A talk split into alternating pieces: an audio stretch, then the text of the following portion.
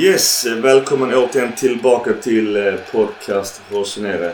Lite tajtare nu. Det blev ett eh, fantastiskt avsnitt senast med väldigt många kloka ord. Återigen eh, tack till er som ställde upp på snacket om Milano-derbyt. Extra fina ord. Annars som vanligt Milan Club Svezia, vårt nätverk som är väldigt generösa mot oss och även då svenska fans där vi också finns. Eh, vi kör igång direkt. Först ett litet samtal om, eh, om droger. Fast en fin drog. Det vill säga Championship Manager. Sen bjuder vi in Makan och Gurra och hör vad de säger och tycker om vårt Milano-derby.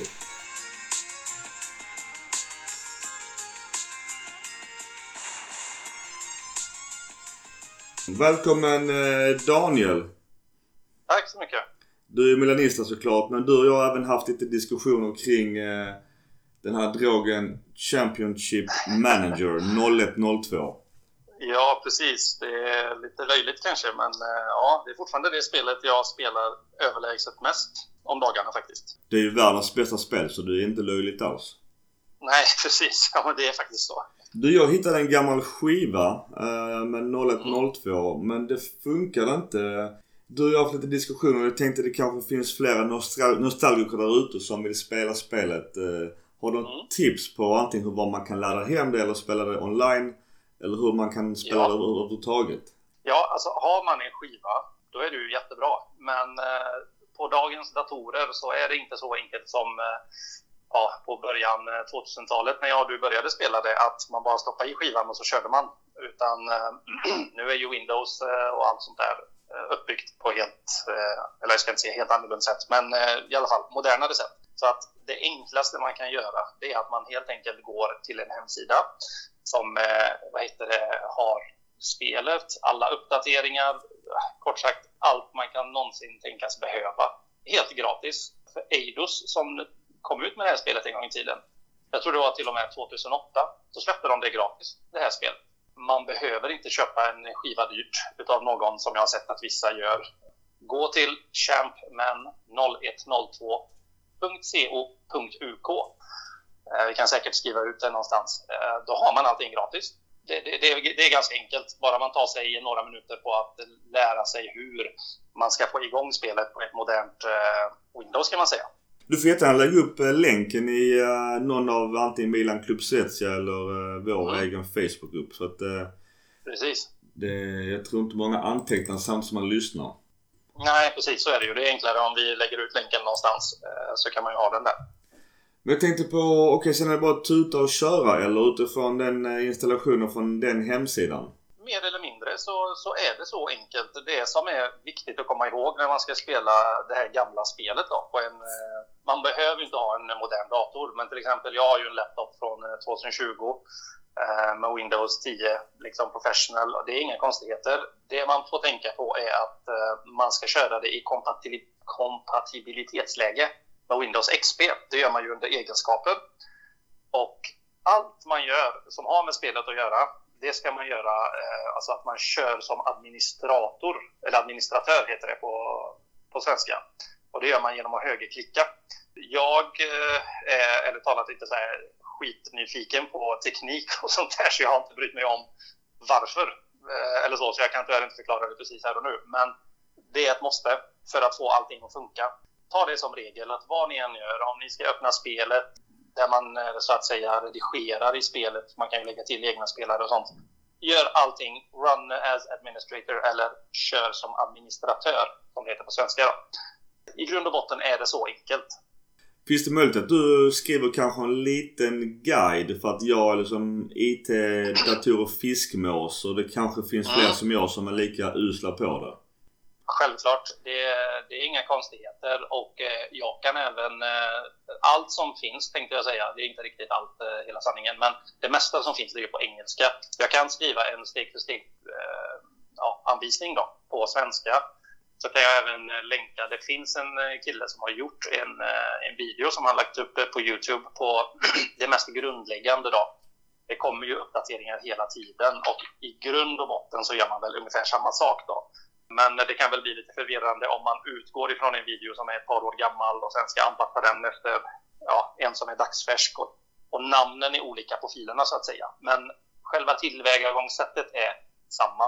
Så jag kan ju även kopiera in den, eh, den videon. kan ju vara bra att ha. Så att man förstår vad det är man ska göra. Så det, ja. det löser vi, det är inga problem. Perfekt. Just 0102 då fanns det många legender. Sigalko, Niko Forenko, Agahova. Ja. ja, du vet ju själv alla dessa fantastiska spelarna. Men ja. om man vill spela det spelet med nuvarande trupper, hur fan gör man då? Nu har ju jag gjort det i jättemånga år här nu så att jag säger att det är inte så svårt. Men eh, man börjar ju alltid med att installera själva grundspelet och när man gör det då är det ju som det var år 2001 när det här spelet kom då. Att, eh, eller om det var hösten 2000, eh, lite osäker där. Men då, då spelar man med de där gamla spelarna och det är skitkul. Men vill man försöka, nu har vi ju haft lite svältperiod här, i Milanista, så då uppdaterar man spelet och så tar man tillbaka Milan till eh, ja, finrummet och då är det filer återigen. Det finns beskrivningar också på hemsidan exakt hur man ska göra. Där kan vara lite mer block och pill där. Det är, I vissa steg så ska man ta någon enstaka fil från en hel mapp som man har laddat ner och så vidare. Jag ska inte gå in på för mycket detaljer, men eh, där är det extremt viktigt att man följer till punkt och pricka varenda steg som står listat. Men det står listat på engelska då, på hemsidan som jag nämnde förut, eh, hur man ska göra. Och eh, då finns det alltså ja, sådana som mig och dig, fast de är lite mer tekniskt bevandrade inom IT, som helt enkelt ja, jobbar med koden i, i spelet. De kan ju inte göra allting, men bland annat uppdatera spelartrupperna. Och eh, så släpper de uppdateringar eh, oktober och mars efter varje transferfönster då. Och eh, så kan man ladda ner det från samma hemsida och spela helt enkelt med dagsfärska trupper. Det låter skitenkelt men är det så jävla enkelt som det må låta? Ja. Det är bara att man ska följa instruktionerna exakt. Liksom flytta någon fil hit och dit och så vidare. Så, så funkar det faktiskt. Och annars finns det hjälp att tillgå på forum, Facebook och hemsidan. Så man löser det på ett eller annat sätt. Nu blir risken att du blir någon form av kundtjänst för kanske flera som lyssnar på detta men för din egen skull, lägg upp all info du kan i, uh, i mm. Facebookgrupperna så, så slipper du tusen frågor misstänker jag. Absolut, men det är inga konstigheter. Är det någon som undrar någonting så jag kommer inte sitta och skriva till var och en ett helt A4-ark utan jag kommer att bifoga länkar i så fall så får man göra jobbet själv. Men visst, forumet som sidan är uh, Ja, det är egentligen ett forum liksom. Det är ju bara på engelska och i och med att spelet har funnits så sjukt länge vissa trådar på forumet är ju liksom 200 sidor långa. Så att jag kan förstå att eh, om man är ny så kan det vara lite kämpigt. Men jag kan absolut eh, bifoga lite länkar och hjälp. Det är inga konstigheter. Det är bara att fråga i så fall. Du Daniel, stort tack för hjälpen. Jag ska definitivt eh, i alla fall försöka. Ja, det tycker jag. Även om det är jävligt dumt att ge sig på den drogen igen. Men det är väl så förbannat jävla kul att spela CM på en 55-tums eh, TV är inte helt fel. Nej, det är faktiskt eh, löjligt roligt eh, att spela det än idag. Så att, det tycker jag absolut du ska göra. Vad har du förresten för favorittaktik? Förr så spelade jag alltid en 4-3-1-2 som naturligtvis vi hade då på den tiden. Mm. Men eh, nu för tiden eh, så är det ju väldigt många människor som har spelat det här spelet extremt länge och eh, vad ska man säga, eh, lärt sig bristerna i spelet. Så att Eh, ett tips är att om man vill ha en så lyckad taktik som möjligt så är en narrow tactic som de kallar det på engelska, alltså en smal taktik eh, med två, två alltså 4, 1, 2, 2, 1 till exempel. Det är ju den taktiken som lyckas jättebra. En enkel anfallare som sprutar in mål, det är nästan en garanti för succé, kan man väl säga. Om man vill göra livet lätt för sig. Jag spelar ofta vår klassiska julgran för det är också ganska smal och just ja. det här med en anfallare.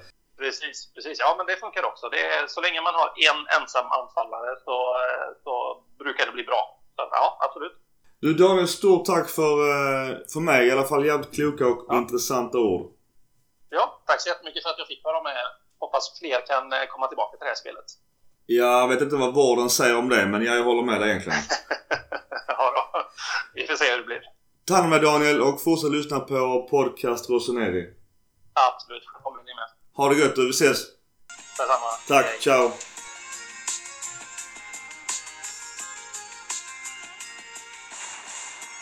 Det är det mest basic. Ja, det är det bästa. Ja men bryr man sig inte om att sköta klubben och all, allt meta runt om och bara fokusera sig på matcherna, då är det okej. Men Nej. djupet i de här FM-spelen med individuella instruktioner och allting till varenda spelare och ta extra löpningar där, gör det. Detaljnivån är så oerhört mycket mer nu. Jag säger inte emot. Mackan, har du varit fast i den drogen? Som tur är, nej. Nej. Ibland fastnar, alltså jag kan fastna i grejer jättehårt. Så jag, ibland skiter jag i att börja på grejer bara för att jag vet att det kan vara bra. Jag minns eh, något år, jag till och med gick upp. Jag är ingen morgonmänniska. Jag till och med gick upp en halvtimme innan för att spela ett eh, Championship Manager. Och det var så vad fan håller jag på med? Livsfarlig drog. I alla fall Mackan, välkommen. Tack så mycket. Gurra, välkommen. Tack så mycket. Har ni eh, hunnit smälta vår fantastiska vinst Ja. mot lillebror? Det är ju ingenting att smälta för Gustav. Det är du och jag som Ja, har ja, känslomänniskor. Robot-Gustav. Ja, nej, du och jag, vi, vi kan ju leva på det här i veckovis. Ja, Eller må dåligt av Ja, det i veckovis. det är fan vad som är bäst och vad som är sämst. Jag tänkte körschema idag. Vi pratar derbyt. Och så tänkte vi kunna slänga in lite gamla nostalgiminnen för derby med tanke på att eh, vi får höra att vi är nostalgiska. Vilket i alla fall jag är. Så vi tänkte slänga in lite gamla Ja, sköna annat minnen. ord för att vi är gamla gubbar. Tala för er själv. Tur man inte är lika gammal som ni är. Ja, är en vecka yngre. Du har för ett par månader till godo tror jag. Och sen, eh, vi har lite Zlatan-kontrakt. Eh, spelar? Euroleague ikväll. Hit and shit som vanligt. Och sen så får vi också ta bedömningen på våra sportchefer och vårt transferfönster. För det hann vi faktiskt inte med sist. Då satt vi faktiskt här med en liten update. Det var lite småkul fick vi höra att eh, sista dagen för transferfönstret att vi satt och hade lite koll på det. Så det kanske blir ett framtida avsnitt. Eh, Vi får väl se. Responsen var ganska god. Men volleyskottet här Mackan, vad, vad säger du spontant innan vi grottar ner oss för mycket detaljer om, eh, ja, 2-1 vinst. Inter, borta. Ja, det är fantastiskt skönt. Fyra och ett halvt år sedan sist i Serie A. Det var på tiden. Speciellt efter fjolårets snöpliga förlust när vi ledde med 2-0. Eller förra säsongen skulle jag säga. Det var faktiskt i år. Gurra, spontant. Ja, härlig match. Eh, Kul att, eh, kul att slå Inter. Det är ett jäkla avstamp och en markering i ligan. 4-4. 12 poäng. Det var ett tag sedan vi inledde med fyra vinster. 94-95 var det det? Under Capello. Ja, det var jävligt länge sedan i alla fall. Jag tror att vi har vunnit ligan varje år vi har gjort. Eller Ja. de, de gånger vi har börjat med fyra av fyra har vi vunnit ligan. Jag säger ingenting mer. Jag minns inte på rak arm eh, vad vi startade med när vi vann 2011. När vi också hade Zlatan med i eh, startuppställningen. Inte så här bra Men vi vann första. Eh, sen förlorade vi faktiskt första. Som Zlatan spelade förlorade vi borta mot Roma. Det året kanske vi ska, ska, man, vara, ska man vara lite opartisk så vann vi nog mest för att vi inte hade någon jättebra utmanare det året. Utan att, utan att vara dum mot oss själva.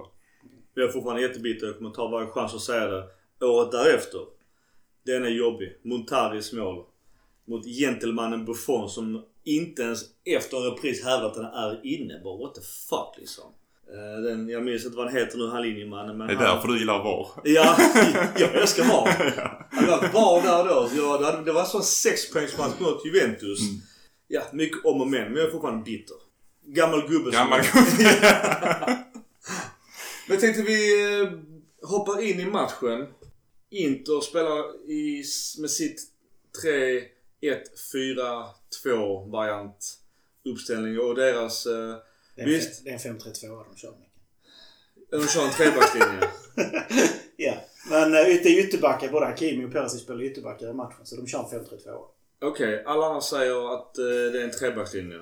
Så att jag, jag hävdar att det är en trebackslinje med tanke på att ytan bakom deras mittfältare var enorm. Och där tyckte jag faktiskt att Pioli gjort läxan. Och sen så kan jag också säga, Inter har borta på grund av, eh, spelar borta på grund av Corona. Och eh, De Ambrosio, de Vrij och Kolarov. Kolarov får ju bottenbetyget. Eh, de hade inte det lätt. Jag tycker de gnäller mycket. Interfansen. Vi hade Zlatan tillbaka för första gången efter, eh, efter Corona. Vi hade Romagnoli tillbaka efter skada och det märktes att han inte var matchtränad. Så att jag... Jag tycker faktiskt inte att om man tittar på frånvarande och hur vi hade med i vår trupp så tycker jag inte de ska gnälla så mycket. Och skylla sig själva om de säljer eller ger bort Godin också. Godin, hade, hade de haft Godin här tror jag vi haft en helt annan match. Det tror jag också. Vi kan säga som så, deras uppställning. Visst det är borta, eller spelar borta, men de har ändå Hakimi, Vidal, Brozovic, Barella och Perisic. Och då Lukaku och eh, Lautaro uppe. Så att det är ju inga duvungar på något sätt. Vi Alltså- spelar, vi, säga, vi spelar med Hernandez, Romagnoli tillbaka då. Alltså på pappret har de ju bättre lag än vad vi har. Vi, vi har Hernandez, Romagnoli, Kjär, Calabria, Kessi, Benasso, Selemakers, Chanoglu, Leao och Zlatan på plan. Så att eh, jag håller med. Deras trupp, eller spelmässigt på enligt namn, kanske hetare än våra. Men alltså, när ska vi... Alltså, detta är egentligen en annan diskussion, inte bara derbyt. Men när ska man säga att våra... Hur mycket måste våra spelare prestera för att vi faktiskt ska uppgradera dem? Det var det jag försökte säga sist med Selemakers. Att han, han har gjort landslagsdebut och gjorde målpass där. Blev man of the match i landslaget. Jag försökte säga det till er också. Han startman. Sen så säger jag varken han eller Calabria är några sexiga lirare som kommer sälja några tröjor. Absolut inte. Men den kanten eh, var ju stängd. Alltså Calabrias utveckling denna starten på säsongen och Det går inte att jämföra med, jämföra med starten förra året. Nej, alltså jag håller med. Jag jag håller med dig Mackan. Det är en bra fråga. När går de från dåliga medelmåttor till, till bra? Jag menar... Titta, titta på mittfältet så tycker jag att Kessie och Benazer håller minst samma klass som deras mittfält gjorde. I denna matchen i alla fall. Sen som sagt var, när uppgraderar vi vår... Vi har ändå 20 utan förlust. Alltså det är det, det är det, jag tror det är det där diskussionen är. Vi har ett bra lag. Men spelare för spelare. Så, alltså det, det, de är inte namnkunniga på det viset. Sen har du helt rätt. Och jag kan säga att jag sitter, jag sitter ju inte lite sådär nöjd över att Kessie hyllas utan dess like nu när han äntligen spelar på rätt position. Vilket man har tjatat om i två år. Att får han bara spela på rätt position kommer han vara hur bra som helst. Hakan har ju äntligen börjat leverera någonting. Liksom. Jag tar det som ett tydligt exempel på att Pioli lyssnar på vår podd. Absolut. Ja, det är klart det gör. Varför skulle han annars flytta in Ka- Hakan centralt, Kessie som defensiv? Jag ser ingen annan. Köpa in Zlatan. Och Kjär, som vi ju ändå har sagt, vi måste köpa någon Ja. Ja. Och förlänga med Zlatan. Men eh, på tal om eh, lyssna på podd. Vi har ju fått eh, också en lyssnarfråga just om, om Hakan och hans kontrakt. Det kanske kan beta in rakt upp och ner nu. Hans agent ryktesvis då 5 miljoner. Jag vet inte. Ja, det senaste jag hörde var att de hade begärt 7 miljoner. Oj! Ja, ja. Och att Milan hade, kan sträcka sig till 5. Det är en fördubbling. Åh jävlar. Alltså jag tycker det är lite jäkla magstarkt. Han kom inför säsongen 17-18 va? Och han har egentligen bara varit bra i tre månader, fyra. Sen vi går till 4, 2, 3, 1. Han var bra. Ja, sen Pioli kom in. Mm. Eller? Vad Ja, säger man? jag, jag bara tänker så här. Vem ser felet? Ja. Ja men det spelar ingen roll. Men alltså han har ju Jo, bara... det spelar ju lite roll. För han har varit dålig för att han blivit spelad fel. Jo men han har... Ska Han vi har... inte förlänga med Kessie? Mm. Mm, Han har varit spelad fel. Jo, Jag tycker att, att, att man kan förlänga med Chalanoglu för med tanke på hur han har spelat så kommer han ju vara värd pengar oavsett. Om vi, Ja. vi måste förlänga med för att vi får ut någonting av honom helt enkelt. Man har ju aldrig sett med Kessie så när, när Micke sitter på San Siro och vrålar sluta med den jävla alibi-löpningen. Ja. Ja, då var jag förbannad. Men då var det inget bra 4-3-3. Jag har alltid sagt det. 4-3-3 spelar vi endast på grund av Suso och det var inget bra spel. Ja. Men fortsätt Gurra, du är inne på något eh, här gällande Hackan. Jag är också med dig kring hans Alltså, prestationer. jag tycker det är fräckt att, äh, som sagt, han har presterat. Han har, och han har ju spelat på position han själv ville spela också, vänsterytter. Så att liksom, alltså, det är inte bara tränarens fel, även om tränaren sätter honom där. Och att då bara vara bra. Ja, han har väl egentligen bara börjat prestera sen precis innan coronautbrottet och efter coronautbrottet. Alltså efter coronabreaket. Han har ju haft månadsvis även under, under Gattuso och under eh, Montella där han faktiskt var bra. Ja. Inte Men- tillräckligt bra, det är inte så, men han har faktiskt haft ett par matcher, oftast i slutet av säsongen, där han faktiskt har varit jätteduktig. Krasst får jag absolut förläng, men jag känner att han ska bevisa mer än lite då och då. Jag kan säga jag som nostalgiker sätter upp mycket värde vid just nummer 10. Och värvar nummer 10-spelare för mig det är ju... Alltså det är ju en nivå som är hög. Och han är också inköpt för att vara frisparksspecialist och hörnor och liknande. Jag tycker han har presterat över sin tid i Milan 75-80% svagt. Nu senaste året, eller senaste halvåret, jättebra. Alltså odiskutabelt. Men går då från det till kräva som du sa Mackan 5-7 miljoner. Där tycker jag han får se sig lite i spegeln. Du får samma lön, vi förlänger med ett år. Om, har du presterat under ett år på hög nivå, då pratar vi om att ge dig den här löne, lönekicken som vi pratar om nu. Och det tror du hans agent skulle gå med på? Nej, nej. Absolut inte. Men jag är skadad lite olägligt men uh, ja, jag tror att det kan bli en, en tuff lönepost. Jag tror att Milan själv kommunicerar att Donnarumma blir ju känns ganska safe. Men vi får se, det kan också bli jobbigt. Men sen tror jag det med Hakan också. För Hakan vill ju tillbaks till Tyskland. Det har ju varit på gång. Men jag tror han kan tänka sig att stanna om han får en... Om vi köper kvar honom med lönen. Det är också ryktesvis. Du har hört att han vill gå tillbaka till Tyskland. Idag och igår läste jag två rykten som att han vill väldigt gärna stanna i Milan. Så han kan lätt tänka sig att han måste ju ha hög, högt bud för att komma dit han vill egentligen i lönen. Så att, Och sen ska han gå till Tyskland. Om vi nu att han går tillbaks. Kanske till sina gamla klubbar men vill han nå en nivå till. Alltså Bayern München kommer han aldrig spela i. Aldrig i livet. Dortmund tror inte heller att de kommer vilja ha honom. Så att då är han ju åter tillbaks på laget mellan, som i Serie A, mellan 3 och 6. Och vet inte, han får inte mer pengar i Bundesliga om han tror det. Då, då ska han till Premier League i så fall. Exakt, ja. Premier League. Eller topp 3-lagen, topp 4-lagen i La Liga. Men du, jag återgår till gnället för att eh, Inter och många av fans på Twitter har ju gnällt in igen på svenska fans. Domare Mariani, han var ganska, vad ska man säga, han släppte ganska mycket åt båda hållen ska jag säga. Jag såg något klipp där det var mycket fula stämplingar som friades. Så jag, jag la upp också en situation där eh, man håller, bara för håller inne händerna bakom ryggen. Men han, jag kommer inte ihåg vilken back det var Inter som ändå drar ut armbågen. Det blev ju friat inte ens var. Vad säger du om domaren? Jag tycker som du sa precis. Åt båda hållen. För vi har gnällt mycket på att de har varit, var, inte fick för sina eh, förseelser. Men vi gjorde rätt mycket skit som inte vi heller fick. Kessie ska vara glad där. Han trampar ju ganska hårt på ett smalben. Så att, eh, Jag såg inget konstigt heller med domarinsatsen. Det, det var jämnt skägget bägge hållen. Jag tyckte, jag tyckte vi hade spelare som filmade mer än vad inte spelarna gjorde. Men det var tufft och hårt åt bägge hållen så att nej. Det är, det är inte där matchen avgörs i alla fall. nej, det är inte domaren som avgör matchen. Nej. Straffen är ju solklar som vi får. Det är en dålig straff av Zlatan och det är, ofta är det ju tyvärr i målvaktens högra hörn vilket är lite lättläst. Och sen den straffen de hade fått om det inte var offside är också solklar. Jag tycker inte alls den är solklar. Han, jag, han landar på foten Micke. Nej. Nej, nej, nej, nej. Det gör han inte. Alltså, jag, då fin- nej, nej, nej, nej, nej, nej. Då får du, då får du lägga upp det i chatten. i så Paus, pausa ska vi kolla på YouTube. Pausa så kollar vi på YouTube direkt. Det var för roligt Micke. Nej, så att... eh, Jävla envis.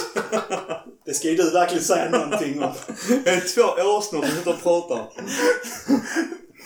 Nej, så att straffen är solklar om det inte är offside. Ja, jag rättar mig. Uh, där finns ett klipp som bekräftar att jag har fel och Gurra har rätt. Jag kör på det. En sak konstigt med den straffen, det är att uh, det kommer ifrån det touchar Kjär och de tar ändå det.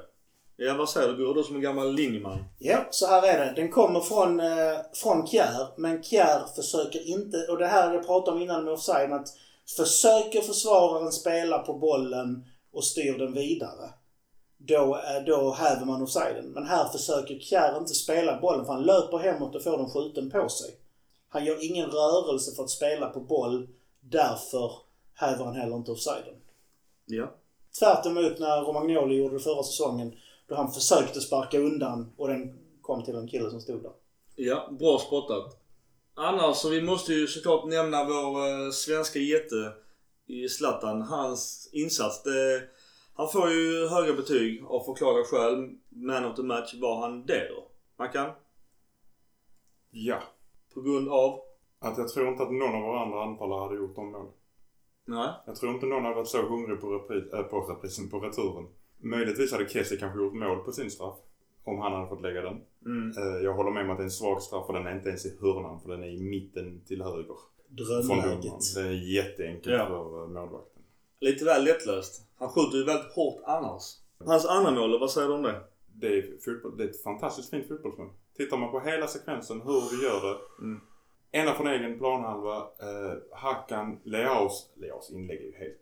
Magiskt. Men det är ju inte det som är snyggast. Ser ni läget innan? När Leao löpfintar inåt banan Så backen tar löpningen dit. Sen snabbt Ja, vänder absolut. han utåt. Alltså det det är sånt så. Hela- godis alltså. Och det är det rycket som Leao är så bra på. Mm. Att gå från alltså 0 till 100 på så kort yta. Och där än en gång vet jag inte om någon annan anfallare i vår trupp hade varit där som Zlatan är. Mm. Han kan läsa spelet rätt mycket bättre än våra ungdomar. Jag tror inte att Maldini hade varit där och inte Colombo. Nej. Att utse en man of the match tycker jag är jättevanskligt. För att, ja, Zlatan gör två mål och det kanske inte någon annan hade gjort. Men, hade inte... Min favorit i matchen är ju Kjär till exempel. Som totalt ägde backlinjen med tanke på hur stabbig Romagnoli var. Så hade vi haft en Gabbia istället för en Kjär där till exempel. Så hade Inter säkerligen fått in två, tre bollar till. Jag håller med dig där. Så min, min, min Jag- man, jag- man, of, the, jag man of the match för mig är Kjär. Jag vill också säga lite om eh, Inters taktik. Jag har också sagt det i de här samtalen innan dem i förra avsnittet att Lukaku och Inter känns ganska lättlästa. Det var deras enda uppspelspunkt. Och man såg också att Romagnoli fick ju Lukaku. Lukaku sökte sig hellre till Romagnoli än till Kjär. Vilket säger jävligt mycket om Kjärs insats i matchen och över säsongen. Och jag såg också någonstans att han är liksom på någon form av topp 10-lista av, eh, jag vet inte om det var alla backar i Europa just nu men Jag tror han ligger etta till och med. det är så Av pass. alla backar i Europa just nu. Ja, det kan vara någon 10-lista av någonting Sen är det ju överlag. stats som sagt var. Ja. Men eh, Ja, det, kan vara, det kanske var överlag topp 10-lista av stats av alla spelare men någonstans så återigen, vi måste höja spelare tycker jag. Alltså Kjär är ingen medelmåtta. Alltså det måste folk komma ifrån. Det du var inne på innan Mackan. Kjär idag är en startspelare i Milan och hans position är ohotad startman. Han är en toppback i Serie A. Och det- Milan är också hans drömklubb. Han, han har ju Maldini som idol som är hans egen sportchef. Det är rätt häftigt. På tal om Maldini, bara en annan tittarfråga, eller lyssnarfråga. Hans lön är ju inte vansinnigt utan det var ju, det har kommit fram nu, det är ju helt andra siffror tack och lov. Det var så 300 000 euro tror jag då. Något sånt här. Om en månad vet vi exakt. Ja, för Gazzetta hade någonting. Det var han, jag tror det var 600 000. Colombo, Colombo och Maldini. Det var ju, Ja, det var mycket det, var mindre. mycket, det var mycket mindre än vad Ja. det rapporterades om. Ja. Conte hade ju gjort läxan som sagt var. Vi, de anföll ju väldigt hårt på en Hernandez som har defensiva brister och en Romagnoli som var matchuttränare.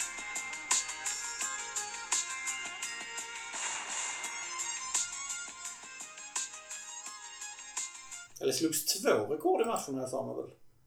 Det första rekordet var ju vid Zlatans straffmiss. Att Handanovic är nu den Serie A-målvakt som har räddat flest straffar någonsin. Och blev inte Zlatan äldsta Serie A-målskytten med det målet han gjorde Jo. på returen? Ja, Så två rekord i samma sekvens. ja, mäktigt. Mm. Mäktigt. Men om man nu ska ta... Är detta Gazette? Ja, Gaz, alltså betygen. Gazzetta har också Zlatan som man of the match i Milan och Lukaku i Inter. Jag tycker att Lukaku var ju jätteduktig. Det måste jag säga. Skulle Lukaku bli skadad däremot i Inter vet jag inte hur de ska spela. Har de bara har de Kjär så lågt ner? Det är det jag säger. Jag håller med dig där. Men många ratings på den matchen hade han väldigt låga. Mm. Och jag förstår inte varför. Ja. Men det är ju det att Kjär har ju, han är ingen statsspelare. Utan han gör de här obekväma, de här placeringarna, de här sakerna som inte registreras egentligen. Utan tar bort en spelare, stänger en yta, fångar upp en, en studsboll. Mycket sånt och det syns inte i stats. För må, väldigt många, det har vi sagt innan, som sätter de här betygen. De har inte sett matchen. Och har de sett matchen så har de gjort något annat samtidigt. Det är enda sättet att förklara flera av de här betygen. Jag håller med. Jag tycker också att de här betygen är lite konstiga för att vi sitter tre här och hade sagt att helt andra betyg på dessa spelarna. Men däremot, jag tycker någonstans att det talar lite för att just Romagnoli och Kolarov får lägst betyg. Fyra för Kolarov och Romagnoli får 5,5 i Gazettan. Eh, och sen vår tränare Pioli, han får en 7 Det som vi sa innan, han har gjort läxan. Och det som jag säger, vi hade ju mycket eh, trafik bredvid deras ytterbackar, eller trebackslinje. Och där, där är ett, där är ett stort jävla hål. Och, och möter Inter ett bättre lag än Milan, med bättre yttrar än vad vi har, då kommer de få det jättejobbigt. Då kommer det bli en fembackslinje. För att eh, den ytan där bakom, det var ofta autostrada. Det såg man på Leao. Stackars Ambrosio då, som hade en extremt duktig Hakimi framför sig. När de, och Sam Pedicic är ju ingen winger, så har aldrig varit. Men Hakimi får inte heller bra betyg. Det är också konstigt. Jag tyckte han var jättebra. Men alltså de tre som jag tycker vi, alltså vi och vi läser på ett forum nog kan vara överens om var bäst i Milan. Det var ju Zlatan, Kessie och Kjär. Ja. De som vann. eh, Och jag måste säga att jag måste faktiskt lägga till en fjärde man där. Och jag, för att jag tycker Calabria var helt Ja. fantastisk som högerback Ja. i denna matchen. Det är Defensivt. ju, eh, Defensivt i alla fall. Ja, det är ju Calabria som gör bort sig. Alltså bägge våra ytterbackar gör ju bort sig på deras mål. Ja, Calabria Ja, fast jag känner, jag känner faktiskt att egentligen är det inte Hernandez gubbe. Lukaku menar du? Lukaku, Hernandez ska inte ha Lukaku. Nej, men Det ska det- vara Romagnoli. Jo, men Jo Lukaku. men de, de trycker in i... Ja, jag vet vad de trycker in men jag tycker fortfarande att det är i första... Romagnoli är felplacerad från början. Ja. Situationen som uppstår. Först missar Calabria sin yta så att deras ytterback kan gå runt och slå in bollen. Sen, miss, sen markerar Hernandez en meter ifrån och ryggen emot. Även om det inte är hans, ska vara hans gubbe så är ju gubben i hans zon där han ska markera. Och då måste man göra jobbet. Man kan inte säga att det här är en annan spelare. Nej, alltså givetvis så ska vi kör ju inte man mot man försvar. Vi Nej. kör ju någon blandning av man, man, zon. Precis. Men också, Calabria blir ju överspelad för det är för att de i det anfallet har de, det man att de har extremt tryck på högersidan. Alltså Hernandez blir helt plötsligt mittback för de har tryckt ihop hela sitt anfallsspel åt den sidan och överspelar Calabria. För han blir helt plötsligt en mot två. Och sen inspelet sig, där, där kan jag tänka mig att Donnarumma kanske hade velat gjort någonting annat i efterhand. För det var kanske inte hans bästa ingripande heller. Det kan jag väl hålla med om. Men grejen är att det här var en gång i matchen. Ja. Det kan jag köpa. Ja. Mot Inter. Annars var ju just klacken för Lukaku i slutet var bland det farligaste. Det, visst, det, det kan gå hur som helst. Där står Men där är Donnarumma- rätt placerad. Men får han den längs marken så tror jag inte Donnarumma tar den. Får han får den längs marken och bredvid fötterna. Ja, det hade, då hade jag varit bitter idag. Ja, jag med. För då, då alltså det, det är för nära. Men han får en studs på den. Det är därför han får den rakt i bröstet ju. Annars en lyssnarfråga det är ju löner återigen. Och på tal om löner så har det kommit ut vad Conte tjänar i Inter. Jag kan förstå någonstans att Milan och alla andra totalbackade om han har fått sina 12 miljoner i Inter. Dessutom de sa att eh, det var lika mycket som de sex nästföljande tränarna får tillsammans. Ja, för jag tror det är ungefär mellan I- i löneligan en och en och halv och tre ligger väl alla andra på stort sett. Men jag tror Conte kör samma sak som Capello gjorde när han kom till Real Madrid. Capello sa ju det att ja, om jag ska kunna coacha ett lag där folk tjänar så mycket så måste jag tjäna en euro mer än vad den som tjänar högst gör. För att jag måste vara viktigare än spelaren för annars kan inte jag ta de här jobbiga besluten. Jag kan hålla med. Men då måste du ha en klubb som har fantastiskt mycket pengar som Real Madrid har. Men alltså Inter kan ju inte ha så mycket pengar. Om man, har, om man, eh, om man kommer fram till de där tröjorna. Rent krasst, och nu ska jag svära i kyrkan. Men de här blå-svarta ränderna på en tröja. Precis som de rödsvarta. Är grafiskt jäkligt snyggt. Men nu är det, ser det ut som någon som har någon psykedelisk dröm som skulle dra något rakt streck och, och vara skakig på handen så att strecken blev vågiga. Det var skitfult! Ja, det är jättefult. Jag har alltid alltså, tyckt det varit grafiskt skitsnyggt. Och italienare som ska vara bra på det här med design och stil. Alltså herregud, de måste ju gråta när de ser de här tröjorna. Jag håller med. Jag, tycker alltså, just randigt kan vara jävligt snyggt. Milan och svart och röda är ju fantastiska. Inter ser väl det är ett ögongodis även om vi kanske inte gillar färgen. överlag verkar tröjor i år Alltså satt också tredje tröja. Jag om det är någon sån intern tävling. Vem har fulast tredje tröja? Alltså, men det känns som detta året har varit en sån helt bisarr grej med, med, med tröjorna. Men bara, bara för att avsluta just eh, diskussionen kring Conte. Med den lönen kommer det också enormt mycket press på honom. Och nu har det inte eh, flaggskeppet Inter börjat jättebra. De har tappat några poäng i ligan. Igår i Champions League tappade de ju också. Eh, kvittering väldigt sent. Alltså har Conte, när det blåser snålt och folk börjar kritisera honom, då tror jag att det kan bli gamla crazy Inter. Men de har ju inte gjort någon lysande transfer-säsong. Nej, men vi vet, vi vet ju varför. Det pratade vi om tidigare avsnitt. De här... Eh, Suninga Group har ju lite problem med pengarna ja. De har ju tappat eh, Premier League-rättigheterna i Kina för att de betalar inte sina räkningar. Och då är frågan, är Conte rätt tränare för ett sånt lag som inte har pengar? Bra fråga. Jag kan säga, de har ju fått in Hakimi och han var ju jävligt duktig. Han tror jag eh, kan göra väldigt gott för dem. Jag bara, bara ta kort bytena. De byter in då en urblek eh, granne till oss i Christian Eriksen och eh, Sanchez. De gör ju ingen bra match. Vi byter in Krunch ganska tidigt för, för Leao. Jag förstod, förstod inte exakt det bytet faktiskt. Även om vi kanske tappar matchen lite att han skulle säkra upp. Jag vet inte exakt. Och Tonali gör ett sent inhopp bara för att känna på, på pulsen. Andra halvlek ägde ju Inter. Det var ju vårt försvarsspel som räddade oss. Jag tyckte de hade möj- chanserna, möjligheten. Jag förstår att man tar in en Kronic för att stabilisera upp spelet. Men Kronic är ju betydligt bättre defensivt än Leao. Mm. Och jag tror någonstans, även om det känns dumt att tänka så kanske i ett derby, men där är bara fler matcher ganska snart in på. Vi har Celtic idag och vi har Roma. När vi ledde med 2-1 så behövde vi ta in det defensivt. Och det är helt rätt byte, men... Och det var faktiskt bra. Jag var orolig för jag tänkte att vi skulle tappa initiativ. Men jag tyckte ändå att det blev bra. Möjligtvis kan jag säga så att Kronic fick ett läge som förmodligen Leao hade förvaltat betydligt mycket bättre.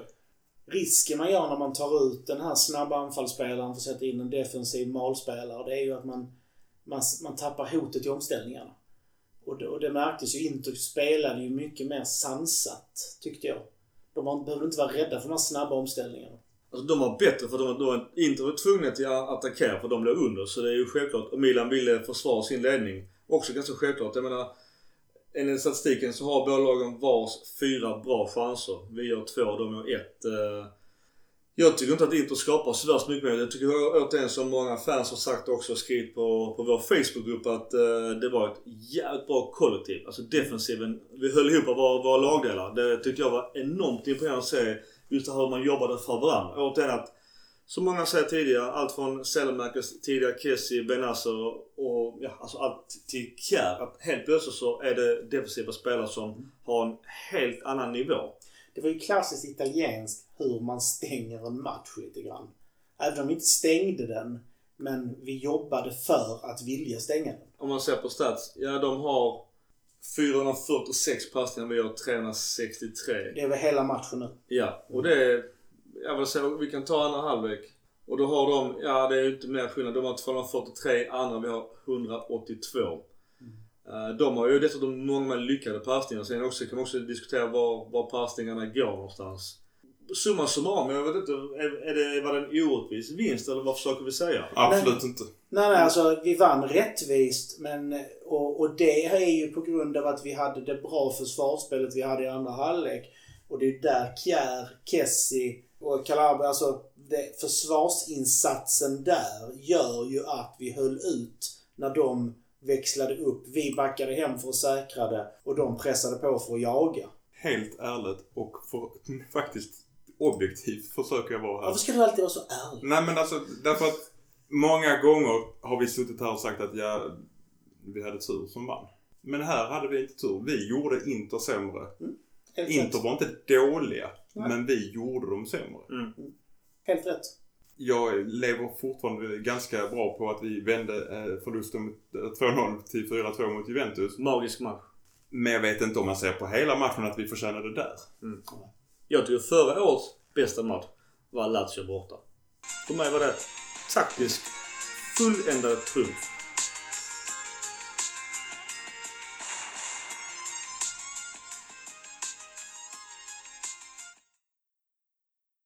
Hernandez hade nog fått ganska klara ord om att inte göra så många offensiva löpningar som, som han vill göra. Mm. För att man märkte att han inte gjorde dem. Sen har vi hyllat Kessie också men i, vad blir det, i andra halvlek så är det ju han som helt tappar eh, Hakimi när han bryter in och nickar precis utanför också. Ja, det var Ja, det jobbigt var nära. Ja, så där tror jag nog att ändå att Donnarumma stod väl placerad också. Ja, ja. Jag tänkte bara annars just med målchanser. Om man ser till stats och eh, så har... När det kommer till skott mot mål, nu är alla inkluderade, även de som är blockade. Jag, jag tycker Milan har faktiskt flera inne i eh, det inre slottet där oftast målen kommer. Än vad Inter har. Sen vad det säger, det vet jag inte. Men, men om man ser till statsen så är det oftast där målen kommer ifrån. Och där har Milan flera skott mot mål.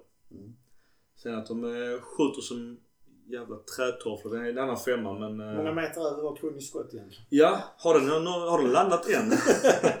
He hit Rosed. Ska jag nämna någon också så var Barella väldigt duktig. ja, och han spelar ändå på sin felaktiga position enligt han eh, Nima som har full koll på Inter som var med i, i tidigare avsnitt. Ja, jag är också imponerad av honom. Barella var duktig och sen tyckte jag att Calabria hade bra koll på Perisic. Jag var orolig för den duellen. Men Mm. jag tyckte ändå han hade bra koll.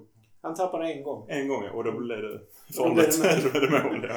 Men- Tur att han tappade två gånger. Men stor besvikelse som alltid varit en nagel i ögat på oss, det, har ju, det var ju Brozovic. Han var ju, jag vet inte, mår han bra eller hade han bara en sjukt dålig dag på jobbet? För att han kom ofta ganska långt ner. Och jag vet inte, där måste jag nog ge åt en hackern som jag har hyllat väldigt mycket. Trots att han verkar vara en jävligt girig människa just nu. Men hans jobb på Brozovic, han har verkligen gjort läxan och han tog jobbet. Alltså Brozovic är ju en bra, bra spelare. Han levererar, han producerar. Han kan ingen poängmaskin, men han är en städare. Han är Kessie. En blandning mellan Kessie och Benasser kanske jag vill få det till.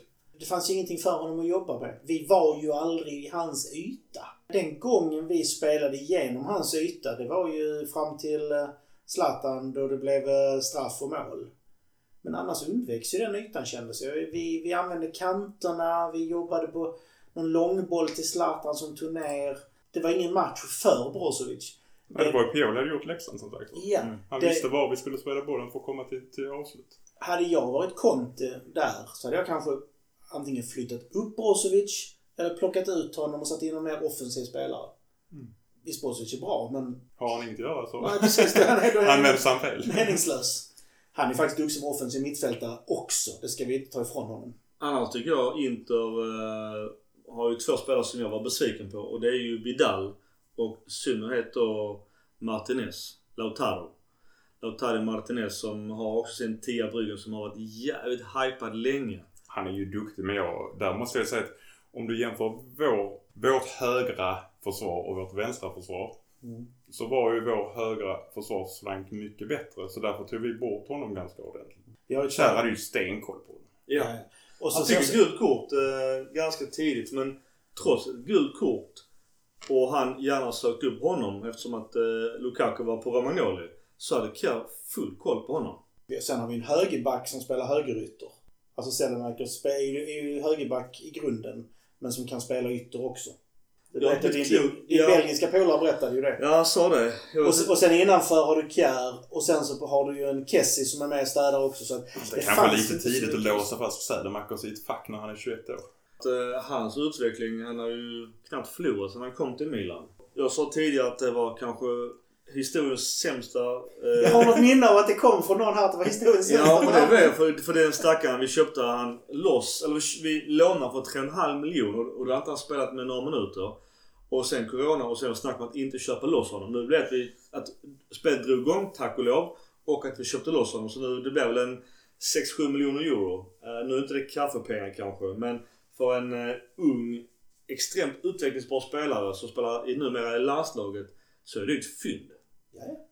Fråga. Ja, Nu bryter jag mitt i alltihopa. gör det. Om Zlatan inte hade fått straff. Gjorde han fel som inte spelade den till Leo? Och Zlatan, Leo kommer ju springande ja, och gör en bra löpning. Borde egentligen fått bollen. Helt rätt. ja det är det ju. Ja, ja. Jag, alltså där, jag blev först arg. Mm. Sen blev det straff. Då tänkte jag, nej okej. Det kändes som att han sökte den straffen, det måste jag nog säga. För han, han går ju helt ur skottvinkel. Han kan ju inte, han kan ju inte få till ett bra skott där. Men det är helt rätt. Han skulle spelat en snett ut så Leo kunde skjuta. Ja. Jag måste ändå säga där med Zlatan och hans betydelse. Det, jag kan, kan baka in också min åsikt här nu om hans rykteskontrakt till 22 va? Eller vad är det va? Ett år till i alla fall, eller ett och ett halvt. Rykte och rykte. Det var Maldini som gick ut och sa det Ja. i en i intervju. Så det är nog mer än ett Det är mer än ett rykte och jag tror att det, det giftmålet, eh, att Milan och Zlatan är tillbaka och Rangnick inte är i Milan kommer nog bära frukt ganska länge. Jag tror så länge Zlatan känner sig pigg och han har själv sagt det att han är ju en bättre spelare idag. Och nu, nu är det klart att han säger det. Ödmjuk Ja. som han är. Uh, han, hans sociala medier Hade jag inte varit mycket för. hade jag varit 20 år yngre hade jag dominerat ligan. Ja, fast det gör jag ju ändå. Alltså om man tar bort kaxigheten så hans... Alltså som fys, fysmonster påminner han om uh, Zdeno Chara, hockeyspelaren. Alltså som, som aldrig blev sämre fysiskt. Förrän han var typ, nu är han 42 tror jag. Och nu börjar han tappa lite. Men det är ju som eh, Maldini när han menar på, ja men då spelar du 38 år gammal. och bara, ja min fysiologiska ålder är 29. Vem fan slutar spela när man är 29? Jag vet inte vad Zlatans fysiologiska ålder är. Men inte fan är det närmare 40 i alla fall. Och om han själv är pigg och är taggad och vill ut och göra de här matcherna. För de här matcherna är så jävla mycket viktigare än vad man ser i de här jävla Gazettan-betygen. Det här pådrivandet, någonstans skäller ut spelare, allt det Det finns inget betyg att sätta på det. Det är 10,0 när det kommer till Zlatan. Om inte du är sån jävla räddhare som gör man en hörna som Lund kanske hittar. Jag vet inte var han hittar dem. Men min poäng är någonstans. Zlatan, jag vill gärna se att han redan nu skriver nytt kontrakt. Jag är helt okej okay med det. Om Det är delvis för att du inte vill att han ska spela i Hammarby. Absolut. För du vet att när han slutar med Milan så kommer till Hammarby. jag vet fan vad som spela ett bottenlag i Allsvenskan. Då, då ska han vara glad att det inte är någon publik på stadion. Ja, ja verkligen. Eh, Verkligen. Men eh, kompis, jag tittar på matchen nu med en kompis eh, som i princip aldrig tittar på Milan. Och det är intressant att höra. Han bara tittar, men har Zlatan blivit tunnare? sa han. Så bara, nja. Och då reflekterar jag över det och kollar lite. Men Zlatan har... Han är i den åldern nu att han, hans muskelmassa går bak. Han blir mer senig. Han har ju samma liksom... Han är fortfarande stark som en jävla oxe. Men det är mer sen, seniga muskler. Jag vet inte, jag kan säga någonstans om man gör jämförelsebilder nu, Malmö FF Ajax-tiden och Juventus-tiden så tror man ser olika formtoppar där. För att, eh, jag vet inte vad de gör i Juventus men alla som går till Juventus blir jävligt biffiga. Men vänta, vänta. Nu, nu, ska, nu, nu, nu, ska vi, nu ska vi passa orden här. Eh, för när Ulf Karlsson Ja, jag vet. i Karlstad ja, jag vet det. sa att ja, eftersom alla andra dopade sig där så, så, så finns det ju skäl att tro att Zlatan också hade gjort det. Vi, vi har inget fog för det, därför säger vi inte det. För vi vill inte bli stämda av Zlatan så som han blev. Men alla andra som spelade med honom där dopade sig tydligen. Och fick jättemycket muskelmassa på så kort tid. Så, eh, så kan man eh, återberätta historien ja. För att inte bli stämd ja. Eh, Och han blev ju stämd och han förlorade rätten. Däremot så vill inte Zlatan ha någon ersättning för att vil- vilka kaffepengar ska han ha? Men i sak så fick Zlatan rätt så det gäller att passa sina ord. Jag bara säger att om man tittar på form, eller, eh, muskelmassatoppar så i Juventus var den något högre än idag och vad han var i Malmö och Ajax. Men alltså han gick ju från till mycket, till bisarrt mycket Ja. på, på så kort tid. Ja. Varför? Det får någon annan berätta. Det får, vi vågar inte ta den potatisen men i alla fall vi vill ha den i Milan. Pasta? Pasta. Du menar Det den... var första den, gången den käkade pasta, därför fick han muskler. ja, ja, ja. Men Varför är sen, inte jag muskulös? Jag äter jättemycket pasta. Jag är mest Ja, men det är halvfet. snabbmakaroner. så, så pastan i Inter och Milan var mycket sämre och därför han tappade muskelmassa igen. Tycker ni, jag håller inte med om det er uppfattning. Jag tycker faktiskt att han blev, har blivit starkare och starkare med åren. Och han är jag tycker han är, det har ju också med erfarenhet att göra att du blir en bättre target player. Eh, Zlatan, vad säger du Gurra? Zlatan, vill du ha honom fortsatt i Milan? Ja, absolut. Alltså så länge hans kropp håller. Han hade haft lite, jag hade ju lite ljumskstrul, var det nu i våras eller när det var? För det var någonting som strulade men det gick ju över. Men så länge han har den fysiken han levererar, man märker ju det är inte lika mycket maxlöpningar som när han var yngre. Men han, han löper ju rätt för sin kropp och sin fysik. Sen är han ett jäkla monster. Han är en opportunist. Det har han ju verkligen blivit i straffområdet nu. Han kommer inte ner så djupt men han hugger, han spelfördelar, han är en... Så att det är en jättebra spelare. Mackan? Ja, alltså enligt honom själv så var ju hela sessionen i USA bara en rehabilitering efter skadan i United. Ödmjukt. Ja, Tack nej, för nej, det. nej, jag behövde det här för att komma tillbaka till den formen jag är idag så. Den klacken från var det 40 meter upp i krysset. Det var helt bisarrt. Eller karatesparken Ja, precis. Alltså det, ja. Nej, jag knyta tillbaka till derbyt. Kär kanske var viktig, men mentaliteten som Zlatan sätter på planen för Milan är ju, som du säger, 10 av 10 i varje match. Ja. Så där kanske han är man of the match bara på grund av det. Så summan av kardemumman det är alltså Skandinavien som gäller för Milan. Ja. Uppenbarligen, vi har köpt jäkligt mycket spelare. Ja. Jag är med på ett spår. Förläng. Gör det på ett års basis. Vi vill inte sitta med treårskontrakt med Nej, som Nej, helst. men det är ju ingen som gör det. Det tror jag han är också okej med själv. Men sen vill jag gärna med tanke på åter hans, hans egenskaper och den här vinnarmentaliteten som han har fått i MFF. Det vill jag, jag vill ta in. Jag vill, jag vill, Han fick ingenting i Ajax, ingenting i Juve, nej, nej, nej, nej, nej. ingenting i Inter. Nej, nej, Det nej. handlar om uppfostran. Men det, det, det menar jag på att... eh, Du menar bara eh, Jag vill ha- Balkan då? Jag jag, vill, jag vill ha han i ledningen sen när han får en coachroll. Att han tar med det sen alltid in i omklädningsrummet. Känner du klara? Pioli gjorde en bra match. Eh, rätt uppställning. Samu, är, Samu Castellejo är ju ur form.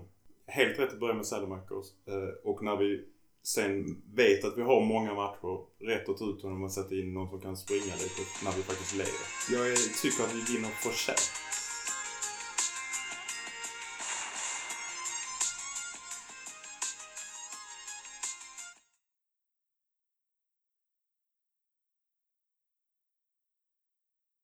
Vi- Vi eh, hade lite eh, gamla minnen från eh, olika Milano-derby. Eller Derby della... Madonnina. Exakt. Och jag kan väl ta en på uppstuds direkt. På tal om- 6-0. Vi har förbjudit Micke att prata om den 16-matchen när vi pratar favoritminnen. Det gör så att inte Han har gjort så många gånger. den. Jag har gjort så många gånger. Jag vill bara säga däremot eh, också till knyta an eh, min quizfråga när vi såg senast. Vem gjorde Milans första två mål i matchen? Det har jag på alla mina quiz. Commandini va? Exakt. Eh, det är också, du och jag Mackan i ett gammalt avsnitt sa att vi skulle prata med honom. Bara så vad fan hände med honom? Vi har, vi har tagit upp det väldigt snabbt men vi kan, det kan vi faktiskt ta till... Någon gång ja, kom han absolut. in. Ja, för vi sa för länge sedan att vi skulle ta upp en, Alla som en gjorde, legend alla, på avsnitt. att vi pratade med alla som gjorde mål i 6-0 matchen att vi skulle ta upp vad de, Ja. vad hände med dem? Ja. Och jag, säga också, jag måste bara säga just det, på det tal om den här 16 matchen Och detta är ju någonting som är röd tråd i Milano-derbyna. Och det är ju Andrei Shevchenko. Jag har bara haft eh, två namn på alla mina Milan tror jag. Första var ju van Basten. Det är mycket därför jag började följa Milan. Men i vuxen ålder har jag bara haft ett namn på ryggen och det är just Shevchenko. Och eh, han har gjort en jävla massa mål i eh, Milan-derbyn. Och jag vet att jag tror Korda var ute nu och sa det. Det var den värsta spelaren att möta. Och jag tror nu också efter när han har slutat, är många spelare säger något som jag alltid säger. Alla menar på jag vet världens bästa anfallare så har alla massa fina namn. Och då säger jag ja, Shevchenko kanske inte var världens bästa anfallare. Och jag hävdar fortfarande än idag att han var världens mest kompletta anfallare. Han var världsklass på allt. Drogba har ju sagt det att han hade inte gjort i närheten så många mål han gjorde i Chelsea om han inte haft Shevchenko som skapar ytor åt honom. Jag måste nog säga mitt, mitt största Milano-derby det är faktiskt senaste året för det var faktiskt då jag var på plats. Jag har varit på plats en gång på derby. De är ju rätt så dyra de matcherna. Eh, Min biljett kostade väl 150 på, på ring 2. Min kära kusin köpte den till mig som 40% så att det var evigt tacksam. Pli på släkten, på Ja, släkten. fin, fin kusin jag har. Och den matchen förlorade dock Milan så det var jävligt bittert. Jag minns än idag att Cotrone har ju ett jättebra läge i, vad är det, 90 när han jävla Ja, D'Ambrosio redan på mållinjen. Och då vill jag ju slå sönder någonting på San Siro. Och folk vänder sig om eh, mycket på den matchen. eh, Jag vet inte, jag sa ju inga fina saker. Tack och lov så sa jag allting på svenska. Att, eh, Jag tror det är tonläge. Ja, tonläget var ganska aggressivt och jag tror inte... Vet folk gick, jag gav mig en klapp på axeln efter matchen och sådär du vet och... Alltså sa massa fina grejer på italienska. Jag fattade inte ett piss av det. Men de fattade att jag var ganska irriterad liksom. Men Det, det, var, det var ju som jag, som jag skrev på var det Twitter. När du la ut en bild på dig och flickvännen. Eller Mm. mm. förlåt, fästmön är det Mm. numera. Och så bara aldrig att hon satt bredvid dig under matchen. Så som du är när du tittar på fotboll. Ja, alltså på plats är jag jävligt aggressiv. Men det är därför jag sitter hemma själv och ser matcherna. Då är jag en tyst, bitter gubbe. Men jag måste bara säga mitt bästa annars i tifo. Nu, nu drar jag halvt gång här. Och det är vad det i fjol när Inter har sin jävla ljusshow. Och Milan har sitt tifo där de med sina mobiler drar upp då. Arenan släcks ner och de kör sin ljusshow. Och så har då Milan alltså synkat det på arenan. Så det var Inter Merda i mobilljus. Alltså det är så jävla magiskt. Jag gillar sådana tifon där man faktiskt gör någonting. De här alltså banderollerna och postersen som är jättestora, de är ju snygga. Det är inte Mm. det. Men när de gör någonting allihopa, det är ju det som är det coola med, med tifo. Ja. Ja, det coolaste tifot Milan inte involverade som sa minnen, det, det är fortfarande Shamrock Rovers. We put pineapple on pizza. ja. är så jävla bra. Ja, nu är de på brittiska öarna igen idag. Mot Celtic. Mm. Derbyminne. Ja, där var minne. Vad Har du något annat Gurra? ja, jag har faktiskt ett. Ja. Jag, jag grävde länge. Alltså, jag, vill, jag blev kallad roboten här så att jag fick, får ju leva upp lite till det. Jag tittade på, när, när såg jag en match med så oerhört många alltså generationslegender senast? Det här derbyt som är säsongen 2008-2009. Lyssna på de här laguppställningarna. Eh, vi, vi börjar med Inter först så får de avklarade. Julio Cesar, Christian Kivu, David Santon, Estabian Cambiasso, Xavier Zanetti, Maikon, Muntari, Walter Samuel, Dejan Stankovic, Adriano och Zlatan. Ställdes mot ett Milan-lag. Christian Abbiati, Sambrotta, Kaladze, Jankulovski, Maldini, Pirlo, Seydorf, Beckham, Ambrosini, Ronaldinho, Pirlo. Och sen kom ju Pippo in. Alltså vilka spelare! Inter har Figo på bänken. Patrick Vieira på bänken. Toldo på bänken. Vi har Emerson. Alltså det är Dida. Vilken, vilket år är det? 08-09. Att få se de spelarna spela. Helt sjukt. Inse hur bortskämda vi var på den här tiden. Jag kan hoppa in just eh, när jag kommer till derbyminne. Jag tror det är säsongen dessförinnan. Jag la upp det på Twitter. och Du sa också det Gurra. Det är ju att när, jag kommer inte ihåg vad fan heter på italienska eller spanska när de gör den här uh, tunneln. När Milan går in. Alltså Interspelarna gör det. Jag tycker att det är så jävla snyggt att de gjorde det. det var, när vi vann klubblags-VM så kör de ju... Eh, Det där spelartunnel. Milan-historia börjar ju. Ja, ja just det. Det var där vi, du och jag började snacka Milan på Glorias. Inter vann ju klubblags eller Milan vann ju klubblags-VM 16 december 2007. Eh, sen 23 december 2007 så var det ju Derby della Madonnina. Ja, och det, det förlorar vi. Men det är där, där de gör den uppställningen. Ja precis. Och när, för när Milan går in på plan så står Interspelarna med en viss Zlatan också Ja. och applåderar dem när de går in. Det är stort. sånt, sånt tycker jag är snyggt. Mm. Som man säger, respekt. Ett av mina starkaste minnen är samma år som du. För det därför jag började räkna, men det måste vara samma år. jag sitter på en restaurang, bar i Bariloche, Argentina. Som tur är pratar jag svenska. För i det derbyt vinner Inter på grund av en hands från Andri- Adriano. Ah. Och jag var så fruktansvärt arg. Jag var inte berusad. Men diverse svordomar flög ur min mun. Jag sitter sedan med min kompis som är interista. Och så rättvist sitter han och skriker. Det är så rättvist sitter han och skriker. Och jag Mm. visar dem reprisen och han gör mål med handen. Mm. Är det, Det är ju inget positivt minne men det är av de nej, starkare. ja, det är det, är det kanske till och med denna matchen här Det är den matchen 2009. Ja, för här gör han, han gör, han gör ju... 2009. Han gör 2-1 målet. Nej, Adriano gjorde 1-1 målet. Mm. Annars I är det matchen. Ronaldinhos mål i Ja. sitt första derby. Det är också ett starkt minne som jag då... Kakas inlägg. Ja, Kakas inlägg är fruktansvärt Ja. bra. Och man inte ser i, när man ser matchfrekvensen utan man får se det på någon repris, att Ronaldinho springer. Mm. Han löper. Jag har aldrig sett honom löpa så snabbt. Som när han då kommer och gör nicken sen. Mm. Ja, Denna vad, matchen han, vad var glad jag- han var. Vad glad han var. Denna matchen var jag på Irland och kunde inte se för att irländarna hade inte avtal för att visa Serie A. Så jag fick se matchen i repris när jag kom hem. Ja, Men jag följde, följde den. På den Mm. tiden hade man inte så man kunde se i telefon. Nej. Men jag följde den eh, på text-tv i- i mobilen. Älskar text-tv. Jag har faktiskt ett häftigt minne att berätta. Det är faktiskt en kompis till mig. Han var bartender i Malmö. Visst du snackar. Han, han är interista. Utan dess like. Så han hade fått tag på någon... I ett, i ett Milano-derby hade han fått tag på svarta börsbiljetter till derbyt. Och, hamnade, och han kom i interkläder, hela midevitten, hamnade mitt på Milanläktaren. Med en massa gamla tanter och sånt där. Det var någon, någon sån sektion. Mm. Och han satt där och Milan vinner den här. Och han hejar ju men lite tillbaka. Och, och Milan eh, vinner i slut, slutminuterna. Och han börjar storgråta. Mm. Då kommer en äldre dam fram till honom. Och som han sa att hon var nog närmare döden än eh, 90 liksom. Så här, plus nästan. Lägger armen om honom och, och, och säger på engelska Don't worry, it will be fine. och så går hon därifrån. Klappar honom på axeln. Jag, det, jag tycker det är en mysig berättelse. Ja, Sen dess har jag alltid haft respekt.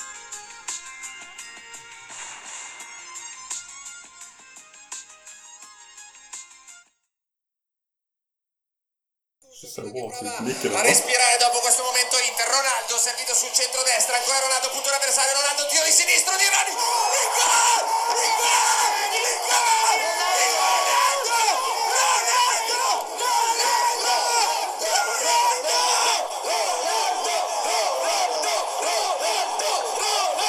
det är magiskt. Det han som bredvid. sono i fuori classe perché ha preso palla è rientrato verso Och det, det vi har precis hört, det är ju Fete Ronaldo. Hans mål... Den, ri- den 2007. riktiga Ronaldo. Den riktiga Ronaldo. Eh, på Youtube och så vet, när, det är så jävla gött när han gör mål. Och det sjuka är att han har ju varit så många år i just Inter. Och han firar och när han gör det här med... För det är mycket snack inför det där att Ronaldo var en räddhare. Och så firar han det som då med den här målgesten med sina kaninöron. Jag, jag tycker det är så sjukt magiskt. Och hans skott där är ju... Det är också världsklass. Ja. För Milan-fans liksom. Det är annat än jag var ju, för många år sedan var jag nere och såg ett eh, derby i Warszawa mellan Legia och Polonia. Och då satt, eh, vet, mina, mina släktingar var inte helt nöjda med att jag skulle gå och se den matchen. Jag bara så, jo jag vill, jag vill se den matchen. Jag vill hänga med de grabbarna och kröka innan och sen så är det match. Och mina släktingar bara, nej men okej. På ett villkor att vi lämnar dig precis innan matchen och vi står med bil utanför matchen. Jag bara, fan vad ni är noja. Chilla liksom. Jag har varit med förr tänkte jag.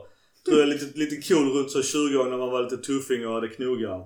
Och eh, så gör Polonia 0-1. på Vi, vi andra identifierar inte oss med att man hade knogjärn vid 20 år. Vill vi bara ha on the record. Det är preskriberat. på, till saken är att eh, då gör de Polonia 0-1 och vi sitter på läggarläktaren. Det är en familjeläktare så det är inte de här tunga grabbarna då nu. Och så är det en man då, kanske 55-60 år, så han reser upp och tjoar och tjimmar att de gör mål ju. Tänkte bara såhär, okej det var ju ja, tråkigt ju. Sen ser jag två män, lite äldre än mig, runt, de var runt 25. Bara galopperar ner från läktaren framför mig. Och bara så drrrrt, Knack knack på ryggen på honom ju. Och han vänder sig om, typ vad händer? Bara smack får han sig sån jävla lusing. Och så hör jag, de är ju några rader innan, så hör vad de säger men de menar på att vad fan gör du här? Han bara, men vadå? Detta är ju familjeläktaren. Kom igen, här, är som du sa. Här är bara familj och ganska lugna supportrar. Men sen till slut kommer det två poliser och sa så du håller du på Polonia? Han bara, ja det är klart. Jag är ledsen, du får gå bort. Han bara, vi har ingen biljett där ju. Så han blev liksom bortskuffad från familjeläktaren.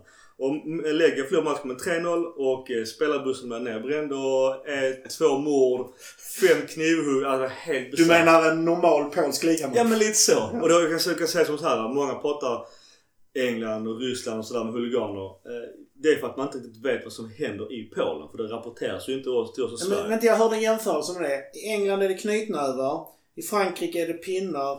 I Polen är det knivar och i Ryssland är det skjutvapen. ja, det, det kan nog stämma. Nej, jag har också sagt det som alltså, även då, nu ska jag inte, nej, detta kan vara fel att säga, men vissa länder åker jag inte så fotboll i när jag åker dit som bortalagssupporter. Nej, det, det Så när man har varit i Europa så har jag hållit mig eh, i vissa länder och vissa länder inte. Kompis till mig var ju när då, eh, ni vet säsongen 04-05, Liverpool-supporter. Mm. När de mötte Juve. Då var det att då, då anslöt de på flygplatsen i Liverpool. Flög med eh, eget plan till eh, flygplatsen i Turin. Rakt in i bussar. Polis, polisen runt, runt bussarna. Kortege till arenan. Mm. Och polisen fick nästan slå sig genom fansen utanför. In på läktaren, jätteavspärrat. Efter matchen fick stå kvar i en och en halv timme. Slussa ut rakt till flygplatsen, Mm. in i planet och hem.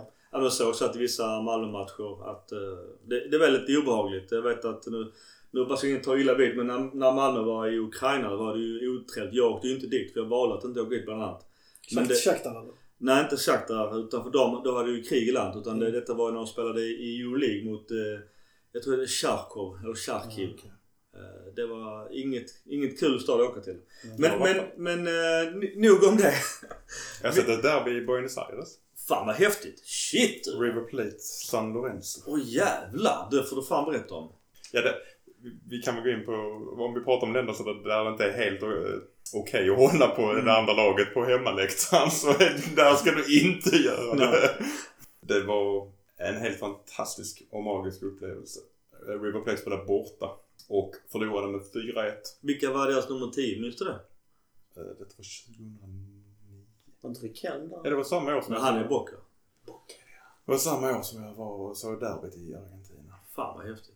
Eh, Jag kommer faktiskt inte ihåg vem som var River Plates 10 då. Det var då. De var inte som bäst då. Nej. Det var samma sak som där. Bortafansen fick ju inte gå från läktaren. Nej. Jag tror de fick stå där i fyra timmar rapporterade de på, på, Mm. på TVn. Och förlorade med 4-1 och sjöng som om de hade vunnit matchen efter matchen. Det var Kul. helt fantastiskt.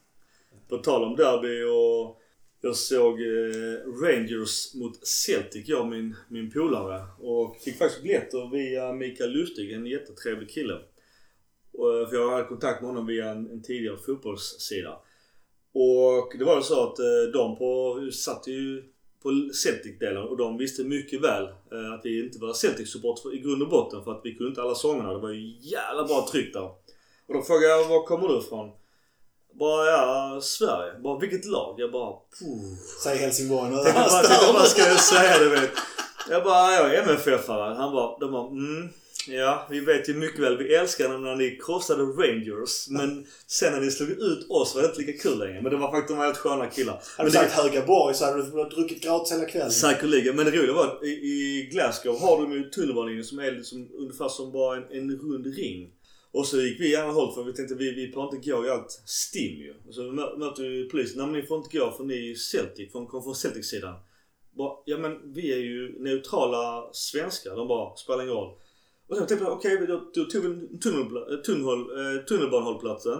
Men vet, det gick ändå runt. Jag bara sa, men vad spelar det för roll om vi går på, på hållplats X när det ändå går runt. Då kommer ju Rainy ta på hållplats Y ju. Så det, det var ju ganska alltså, stimmigt efter den matchen. Jag bara sa okej, här gäller det verkligen bara att prata svenska. För då är vi ganska safe. För det var ju inte jättemysig stämning för att Rangers fick stryk med 1-5. Så de var ju rätt så förbannade. Okej, nu kommer vi rätt långt från Milan, men, men prata derby är ju faktiskt alltid kul och fotbollsrelaterat. Men där kan man ändå säga att vi har ju ändå i Milan, eller i Milano, är ju derbyna ganska lugna.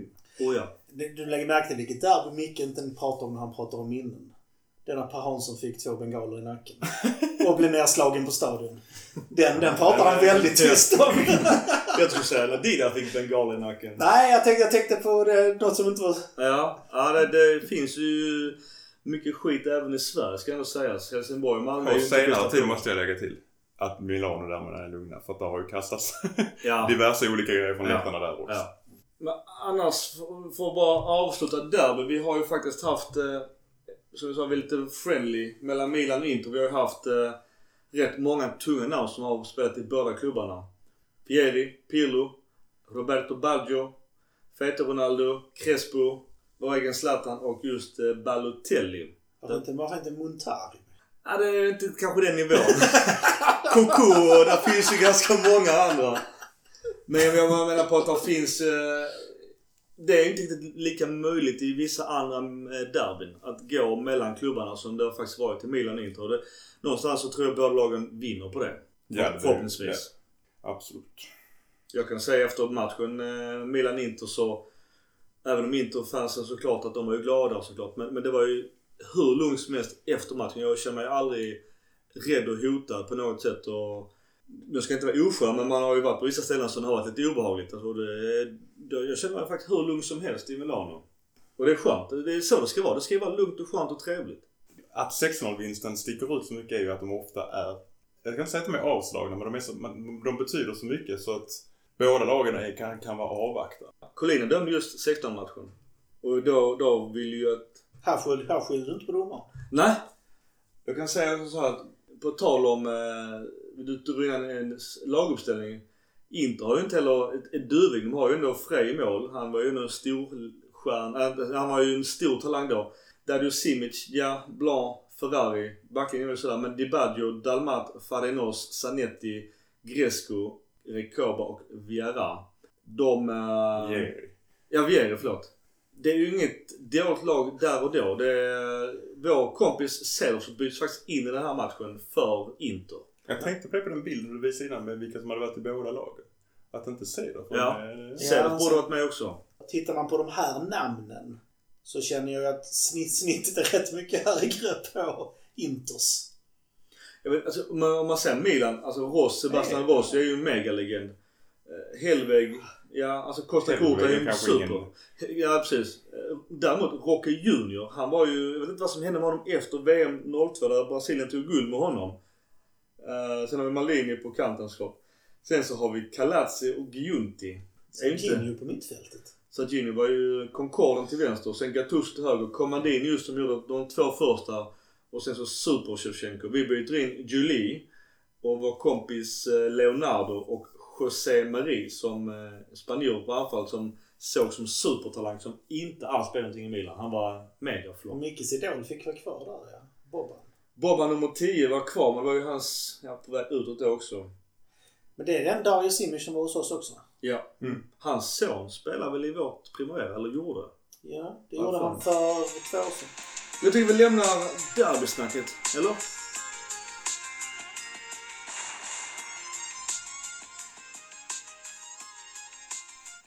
Jag tänkte vi avslutar med eh, hit and shit. Det är ju Celtic ganska snart så vi får avrunda. Och kan man bara säga att vi har väl spelat i, i Skottland åtta gånger. Eh, sist, senast jag minns Milan i Skottland var just det var ju Kaká när vi vann inte Champions League det året. Vi hade Celtic i var det åttondelen eller? Har jag för mig. Förlåt att jag avbröt men line-upen kom precis i matchen. Ja. Vad får Hauge spela? Nej men Dalot får spela istället. För Ja, den har jag misstänkt. Eh, Jag tänkte också med tanke på att... eh, Men dra uppställningen hela. Eh, Donnarumma, Dalot, Cher, Romagnoli, Hernandez, Kessie, Tonali, Castillejo, Diaz, Krunic, Ibrahimovic. Ja. Jag förstår uppställningen. Diaz såklart en er- rak ersättare till Mm. Hakan. Mm. Och Castillejo och Krunic för att vi ska ha färska eller fräscha ben till Roma-matchen också. Då får, man egentligen spela Zlatan i den här matchen. Vem ska annars göra mål? Ja, jag skulle vilja Ja se precis det är det vi pratar om. Vem Ja. ska göra mål? Ja, men jag vill ändå se Leao då. Leao kan komma in och byta av honom kanske. Är inte bättre jag tvärtom att... Vill eh, Zlatan spela? Ja, då spelar Då han. kommer han spela. Ja. Ja. Han vill... eh, Han har fler rekord att jaga. Innan vi avslutar derbyt. Vi har ju flera andra kompisar som också lyssnar på oss. Och eh, Mattias Borg när Ibra gör en dropkick i bröstet på Materazzi. Ja, jag... Jag säger inte emot. Jag, Du, du gillar när folk sparkar sig hö- högt på kropparna. Ja men jag gillar ju verkligen inte Materazzi. Han skulle alltid förstöra för Shevchenko. Jag är imponerad. Alltså, som tävlingsmänniska är jag imponerad av honom. Adam Magon, eller Magon, när Julio Cesar lär sig, lärde sig att aldrig psyka Zlatan. Alla minns ju den straffen när Julio Cesar sträcker ut tungan och fular sig. Eh, Fredrik Karlsson såklart 16-matchen, magiskt. Vår eh, stora kompis Andreas Klang, eh, bilden på Materazzi och Rui Costa, returen där. Eh, det är det här bengalregnet. Återigen Fredrik Karlsson, 01, eller 1 vinsten 14, också magisk. Så att eh, det är många fans där ute som har magiska minnen. Och du, har fått in några, några ytterligare sena lyssnarfrågor. Ja, eh, försäljning av klubben på gång eller tror ni att Elliot blir kvar? Elliot satsar väl ännu mer så att eh, just nu känns det iskallt att de kommer släppa klubben. Satsar de för att den ska vara på en stabil nivå inför en försäljning och inte ha något strul som ligger? Eller satsar de för att de har en långsiktig plan? Det vet man aldrig. Vad tror du, Mackan? Alltså, med Det tanke på att de i kapital sköt till nästan 2 miljarder kronor efter förra säsongen på grund... Alltså det gick ju jättemycket förlust. Till stor del på grund av Corona. Eh, Att, den, att förlusten ökade jämfört med vad den var Mm. beräknad till. Det känns ju som att de eh, har nog långsiktigare planer än vi trodde från början. var Johan Bengtsson som ställde den frågan. Johnny Aziz Yüksel. Eh, Januari-mercaton. Kommer Boban in till den igen? Tror ni? Just det, vi skulle ta också våra betyg. Ska vi bara köra betyg rakt av på grund av den frågan? Att- Eller så tar vi frågan och sen tar betyg. Ja. Eh, Tror ni, tror ni Boban kommer tillbaka? Jag tror tyvärr inte det. Jag tror han brände sig för mycket. Jag tror det blir svårt eh, och jag tror att Gazidis någonstans tror jag kanske känner att han blir lite bortpositionerad om eh, Maldini och Boban får en ny chans som kommer i så fall kommer få. Jag tror att, eh, att det blir för mycket strategi på toppen att, att det blir svårt. Mm. Så att nej, är det, är det frågan. Eller svaret. Ja, jag tror det också. Sen så Tobbe Roseneri Södergren. Eh, Den här kommer vi ta med oss till nästa gång för här kan vi inte hosta upp nu. Eh, Jag skulle vilja veta statistik, vem som springer mest i matcherna, vem som skapar flest målchanser. Vi tar en sammanställning på det nästa avsnitt. Jag kan säga vem som springer minst. Minst. Donnarumma. Ja. Pioli. Pioli. Han är inte med i truppen. Eh, Kontraktsförlängning har vi pratat om och eh, Daniel Johansson undrar om inte Ferrari i Sassuolo hade varit en bra mittback att värva i januari. Alltså Alltså, det- Ferrari. Ja. Det Det här finns tror jag ju- var ett namn. Ferrari Sassuolo. Bara what? Vem fan är det? Det finns ju många, eh, många rykten om mittbackar om inget Mm. annat. Eh, Ja, frågan igen är- nu också. Har vi koll på, de möter ju Celtic ikväll. Mm. Jobbet med Celtic är ju att vi faktiskt har någon som har lite inside och information om hur vi fungerar. Laxalt. Ja. i den. Och det, det känns lite jobbigt Ja. faktiskt. Att det, det går direkt. Ja. ja. Eftersom vi misslyckades nu, vilket jag prata om sen med Finne mittback, så tittade det på minst en mittback i januari. Och Ferrari har ju spelat bra i Sassuolo. Frågan är om det är den vi behöver. Vi får väl tillägga här också att Caldara ryktas ju tillbaka. Jag skulle precis säga det Mackan. Bra spottat. Att Caldara gör ingen succé alls i Atalanta och är icke önskvärd. Långtidsskadad igen. Igen. Precis. Det är inget köptvång. Nej. Utan det är en option på Ja. 15 millar. Ja. Helt plötsligt blev den dealen mycket sämre eftersom vi, vi mer eller mindre fick Kjär för det struntpriset vi fick. Sämre för Atalanta med dem. Jag vet inte om Kjär får spela ändå. Det blev inte världens sämsta deal som jag sa ett tag. Du, du, du, är, du är dålig på att spotta världens sämsta dealar. Ja, men jag kanske är lite dramatisk.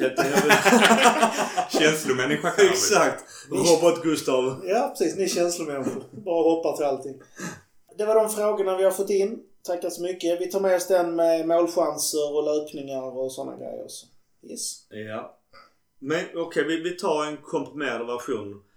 F- fönstret, vad tycker vi? 1 till 5? Börjar du.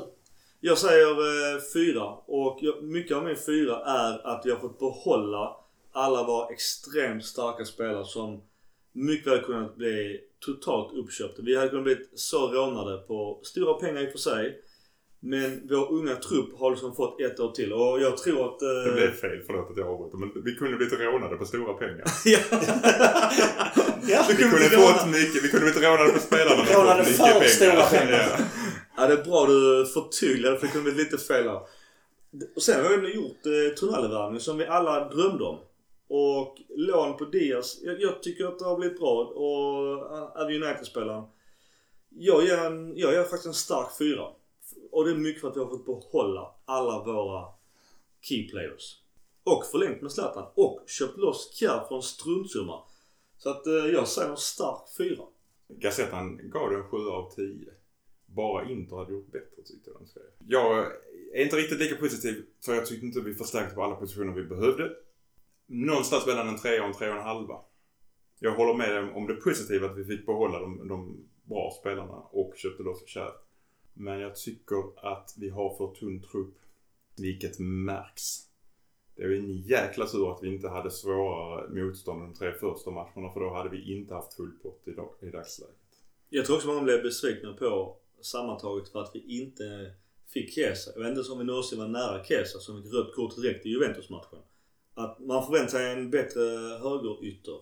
Ja, och det, jag står fortfarande fast vid det. Eh, att vi behöver en bättre högerytter. Även om Sälemakers har visat sig vara bättre Det är också svårt att peta Sernakos just nu. Ja, Tänk att köpa in, tänk, tänk in eh, Chiesa för 50 miljoner. Och så är han kanske marginellt bättre än en ung potential Selemakers. Det blir också konstigt. Ja, alltså i mitt tycke kanske man i så fall skulle värvat eh, någon erfaren som egentligen kanske är på väg ner. Typ en Men- Figo-värvning i Ja, men någon som har erfarenheten som vi, vi har ändå efterlyst. Jag säger som så, på de vi har fått in så är det en stark fyra. Vi har fått in Tonali, vi har fått in Diaz, vi har löst många av de problemen som vi har haft. Men, som man kan också inne på, vi har fortfarande hål. Det är fortfarande brister. Det saknas en etablerad mittback, det saknas en vänsterback, det saknas en högerytter. Det är inget akut, men vi har ingen bredd, vi har ingen parering egentligen vid flera skador, frånvaro och så vidare. Så att jag lägger mig på en, eh, ja, stark trea. Runt tre och en halv där som Macke man kan snacka om. Jag är helt inne på den linjen. På tal om det du sitter och säger, vem ersätter Hernandez? Det är han United-killen. Han är ju högerback. Ja, i- jag vet. Men jag tror att, alltså om man ser på transfermarkt så går han på båda. Ja, ja. Men han är, han är högerback som kan spela till vänster. Precis som Calabria, en högerback Mm. som också kan spela till vänster. Det är ingen naturlig vänsterback som Precis, och det är ju jättefarligt. Mm. Det är därför lite dumt att dumpa laxsalt på så vis. Ja. Och... eh, Rodriguez eller kanske, Rodriguez. Rodriguez kanske ännu mer. Ja. Mm. Vi tar eh, lite kort uh, en hit and shit. Sen färdig. Ja.